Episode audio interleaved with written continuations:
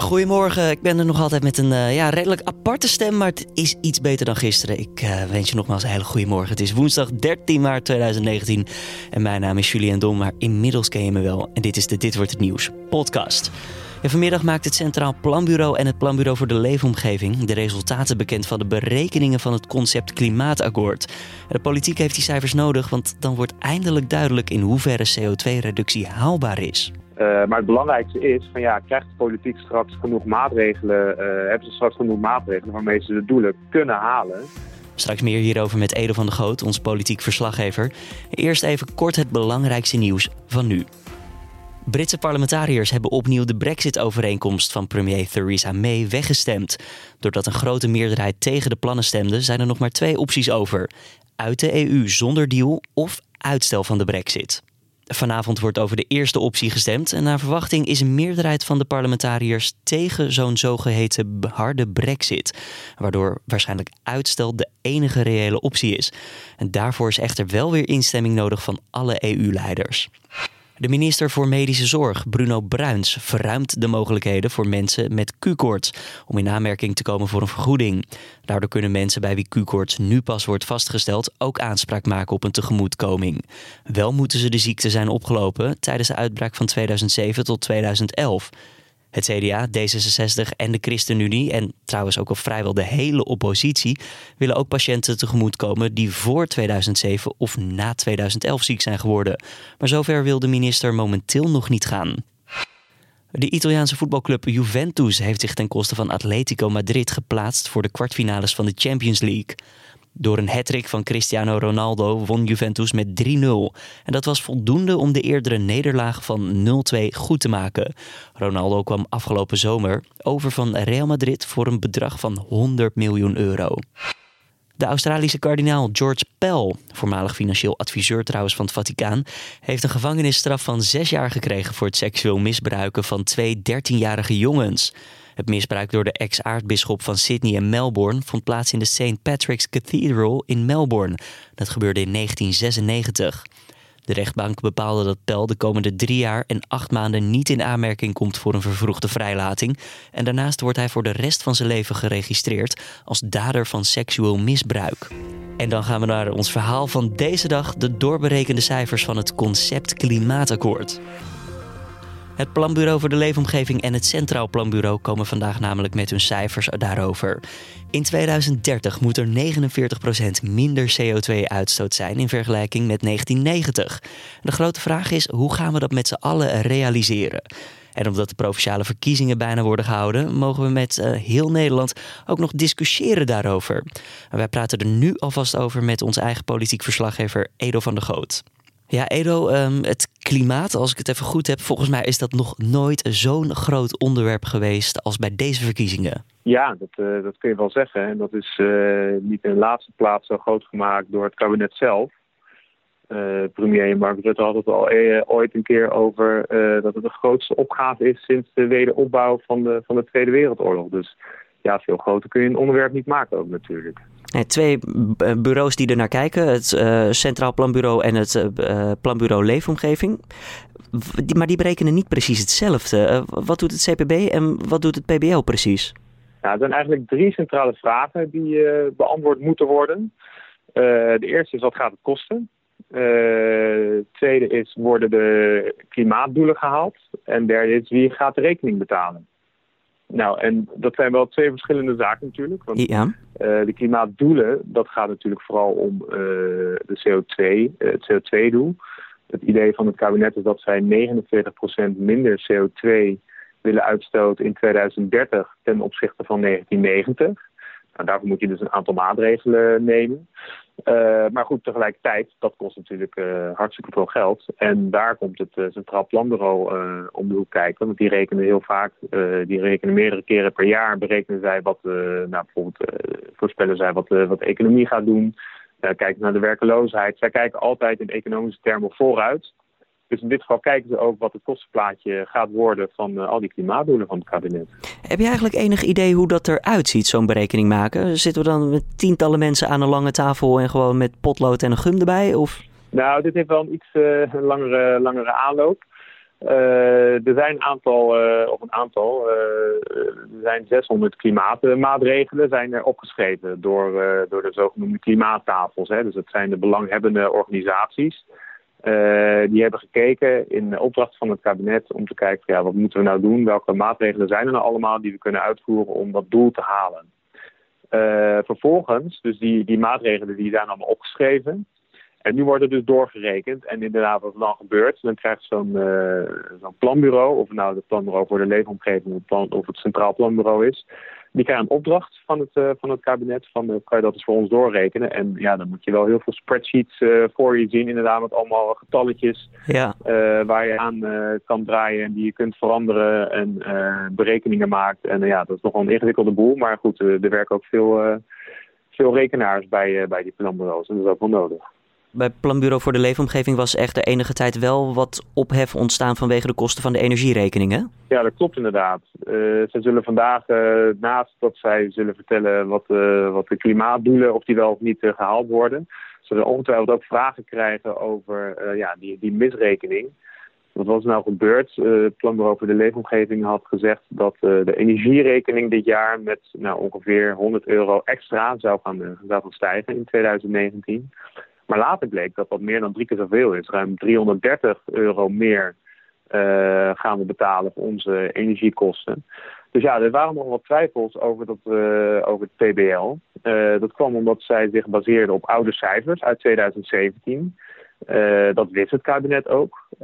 maar goed, lang verhaal kort, die, die berekening die, die klopte niet. Dus er zijn ook veel partijen, van de VVD tot GroenLinks, die hebben gezegd van ja, wij zijn eigenlijk niet helemaal zeker van of zij uh, nu wel al die klimaatmaatregelen kunnen doorrekenen. Ja. Uh, als het ook bij zo'n energierekening niet aan het juiste eind hadden. Maar goed, ze hebben zelf gezegd van dat, uh, dat het voor de lange termijn, die berekeningen, dat ze oude cijfers hebben. En oud is hier cijfers uit 2017.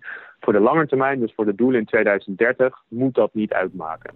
Oké, nou dan eventjes naar uh, premier Mark Rutte. Die liet namelijk op Radio 1 horen in het programma Dit is de Dag... dat hij um, ja, zich zorgen maakt over de hoeveelheid cijfers... en dat iedereen daar uiteindelijk zou kunnen gaan shoppen, de politieke partijen... zodat iedereen uh, ja, eigenlijk zijn eigen cijfers eruit zou kunnen halen. Wat we weten is dat dat woensdag komt. Dan komt er dus heel veel cijfermateriaal. Ja. Mijn zorg daarbij is natuurlijk dat er komt er zoveel cijfermateriaal beschikbaar woensdag. Uh, dan kan iedereen in gaan shoppen. als je kwaad wilt kun je ook mensen nog angst gaan aanjagen. En dat angst zou ik zonde vinden. Angst, nou, voor? angst voor, voor wat er dan uiteindelijk moet gaan gebeuren. Nee, ja. Want je, ja, ik ken die cijfers ook niet. We krijgen ze ook pas uh, woensdag. Hoe kijk jij naar zo'n opmerking van de premier als politiek verslaggever? Nou, ik kan me ergens wel voorstellen dat hij zich zorgen maakt over uh, de hoeveelheid aan cijfers. Want uh, ja, we, kijken, we krijgen inderdaad ook nogal een stortvloed aan, aan cijfers voor onze, voor onze kiezen. maar goed, ja, uiteindelijk moet daar toch chocola gemaakt van worden. En nou goed, wat elke politieke partij natuurlijk doet, die gaan natuurlijk net zo lang kijken naar cijfers. Uh, en daar gaan ze mee aan de haal om, uh, om een verhaal zoveel mogelijk mee, mee te onderbouwen. ja, op zich is dat natuurlijk geen nieuw gegeven. Hè. Dat gebeurt natuurlijk heel vaak. Uh, maar goed, uiteindelijk is natuurlijk ook uh, de politiek als laatste aan zet wat zij met die cijfers willen gaan doen. Dus we krijgen inderdaad al die doorberekeningen van de planbureaus. Ja. Maar het is aan de Tweede Kamer en het kabinet uh, welke, welke maatregelen uiteindelijk in een definitief klimaatakkoord komen. En dat betekent ook dat wij als nu.nl waarschijnlijk ja, extra goed moeten opletten met wat nemen we wel mee in onze berichtgeving en wat niet. Want wat is bijvoorbeeld al zeker en wat is misschien een, ja, noem het eens een, een opzetje, een, een eh, een luchtballonnetje? Ja, nou, luchtballonnetjes zou ik niet zo snel willen noemen. Want dit zijn gewoon, uh, kijk, die planbureaus die, die rekenen gewoon echt door waar, uh, wat, wat, aan hun gevraagd is. Dus die voeren gewoon eigenlijk heel nou ja, braaf uit wat, wat hun, van hun wordt gevraagd. Hè. Dat zijn onafhankelijke organen. wel wel overheids, overheidsorganen, maar die, die maken gewoon berekeningen. uiteraard moet je opletten van wat je wel en niet gaat, gaat brengen, van wat wel en niet gaat gebeuren. Uh, maar het belangrijkste is, van ja, krijgt de politiek straks genoeg maatregelen, uh, hebben ze straks genoeg maatregelen waarmee ze de doelen kunnen halen. Uh, ja, het antwoord erop is ja of nee. Uh, dat, dat is de belangrijkste vraag die beantwoord moet worden. En uh, daar gaan we uiteraard mee aan de slag vandaag. De oppositie die heeft dan ook nog gevraagd van... jongens, willen jullie voor ons ook nog wat cijfers uitberekenen, doorberekenen? En die zijn nog niet voor de verkiezingen beschikbaar. Maar deze cijfers van het concept Klimaatakkoord wel. Ja, dat is, dat is weer een apart verhaal. die tafels, die klimaattafels, die zijn vorig jaar februari begonnen met allemaal plannen op te stellen... Uh, en toen die plannen uiteindelijk uh, uit de koker uh, kwamen, toen zei GroenLinks en PvdA zeiden van ja, wij missen eigenlijk een goed alternatief. De, de, de milieupartijen zeiden dat overigens ook, samen met, met de vakbonden. Die missen een goed alternatief om de industrie goed te belasten. waar zij eigenlijk vooral, wat zij eigenlijk vooral willen zien, is een manier waarop de uitstoot van CO2 direct wordt belast. Uh, dat is nu in de huidige plannen uh, was dat niet opgenomen. Ja. Er werken ze eigenlijk met een soort van ja, bonus-malen systeem. Dat, uh, dat, dat, houdt in dat bedrijven pas een, een, heffing of een boete moeten betalen over hun CO2-uitstoot op het moment dat zij de doelen niet halen. Nou, wat zeggen die milieuclubs en, en die linkse partijen in de Kamer? Die zeggen nee, je moet niet wachten tot zij doelen niet halen. Je moet ze gelijk belasten, want dan heb je en geld, waardoor je weer andere verduurzaming mee kunt financieren.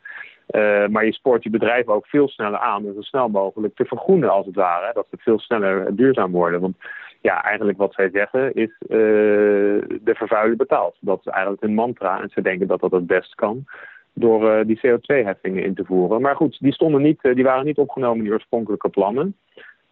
dus ze hebben dat later, dat verzoek is later ingediend bij, bij de planbureaus. En die planbureaus hebben gezegd, nou prima, dat gaan we ook doorrekenen, wat het allemaal gaat betekenen. Maar we kunnen dat niet uh, op 13 maart allemaal publiceren, want er wordt al zoveel van ons gevraagd, dus dat komt een aantal weken later. Dus we krijgen uiteindelijk wel te horen wat zo'n CO2-heffing doet, maar dat is nog niet vandaag. Oké, en premier Rutte heeft daar uh, weer gezegd van ja, we zijn niet getrouwd met een oplossing. Dat kan positief uh, nieuws betekenen dus voor de oppositie. Oftewel, het concept klimaatakkoord ligt nog ver van vast.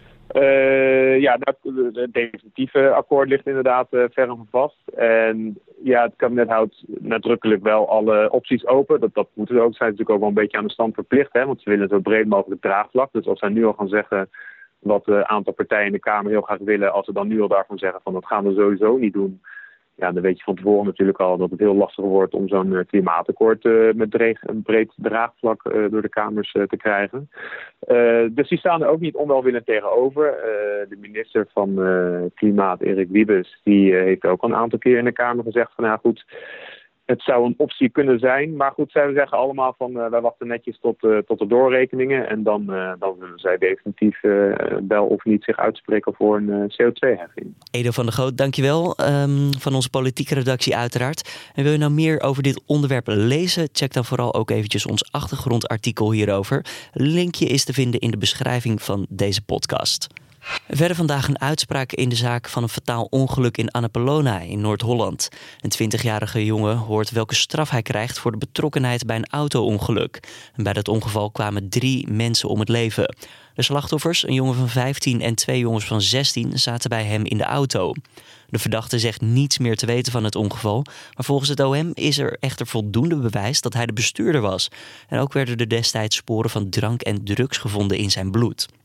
En nieuws over Pinkpop, want vanmiddag om 12 uur begint officieel het festivalseizoen met de perspresentatie van het festival. Directeur Jan Smeet zal dan in Paradiso in Amsterdam het complete programma bekendmaken. En Pinkpop viert dit jaar feest. Het is namelijk de vijftigste keer dat het muziekfestival wordt gehouden. Enkele headliners zijn al bekendgemaakt. Zo staan dit jaar onder andere Fleetwood Mac, Mumford Sons en Cressip op het gras van Landgraaf. The Prodigy heeft af moeten zeggen helaas na de dood van frontman Keith Flint. Pinkpop vindt dit jaar plaats op 8, 9 en 10 juni. En dan het weer voor deze woensdag. Nou, als je dit luistert, kan je beter meteen maar weer je bed instappen. Want uh, het einde van dit gure weer is nog lang niet in zicht. Buien over het land, kans op hagel, onweer en zware windstoten. Zelfs code geel nog in uh, sommige delen van Nederland. Het wordt maximaal 9 graden. Mocht je de deur uit moeten, voorzichtig. En uh, nou, heel veel succes in ieder geval. Dan nog eventjes dit voordat we bij het einde zijn van de podcast. Gisteren werd namelijk de eerste echte trailer van Aladdin uh, bekendgemaakt. De nieuwe live-action film van Disney. Ja, ook Aladdin moet eraan geloven. Daarin zien we onder meer Will Smith als Genie. En voor het eerst horen we hem nu ook. O great one who summons me, I stand by my oath, loyalty to wishes three. I'm kidding. Watch this. Watch out! Uh, you done wound me up. You ain't never had a friend like me. Disney hoopt dat met deze nieuwe trailer het enthousiasme voor de film weer toeneemt. En dat nadat eerdere beelden nou, nogal kritisch werden ontvangen. Fans van de originele tekenfilm uit 1992 waren ja, nogal sceptisch, kan je, kan je zeggen. Uh, dat mede omdat Genie niet helemaal was zoals ze hadden verwacht. Nou, ik hoop dat je na het horen van uh, het fragmentje zojuist in ieder geval ja, een ander beeld hebt gekregen bij de film die uit zal komen op 22 mei. En dit was hem dan weer, de Dit Wordt Het Nieuws podcast voor deze ochtend. Ik hoop dat je ervan hebt genoten en dat je een beetje ja, mijn stem hebt kunnen accepteren. Ik noem het altijd een beetje een Katja Schuurman stem. Um, wat vond je van de uitzending? Laat het ons weten via podcast.nu.nl of laat een reactie achter in je eigen favoriete podcast app. Mijn naam is Julian Dom en ik wens je een hele goede woensdag. En tot morgen.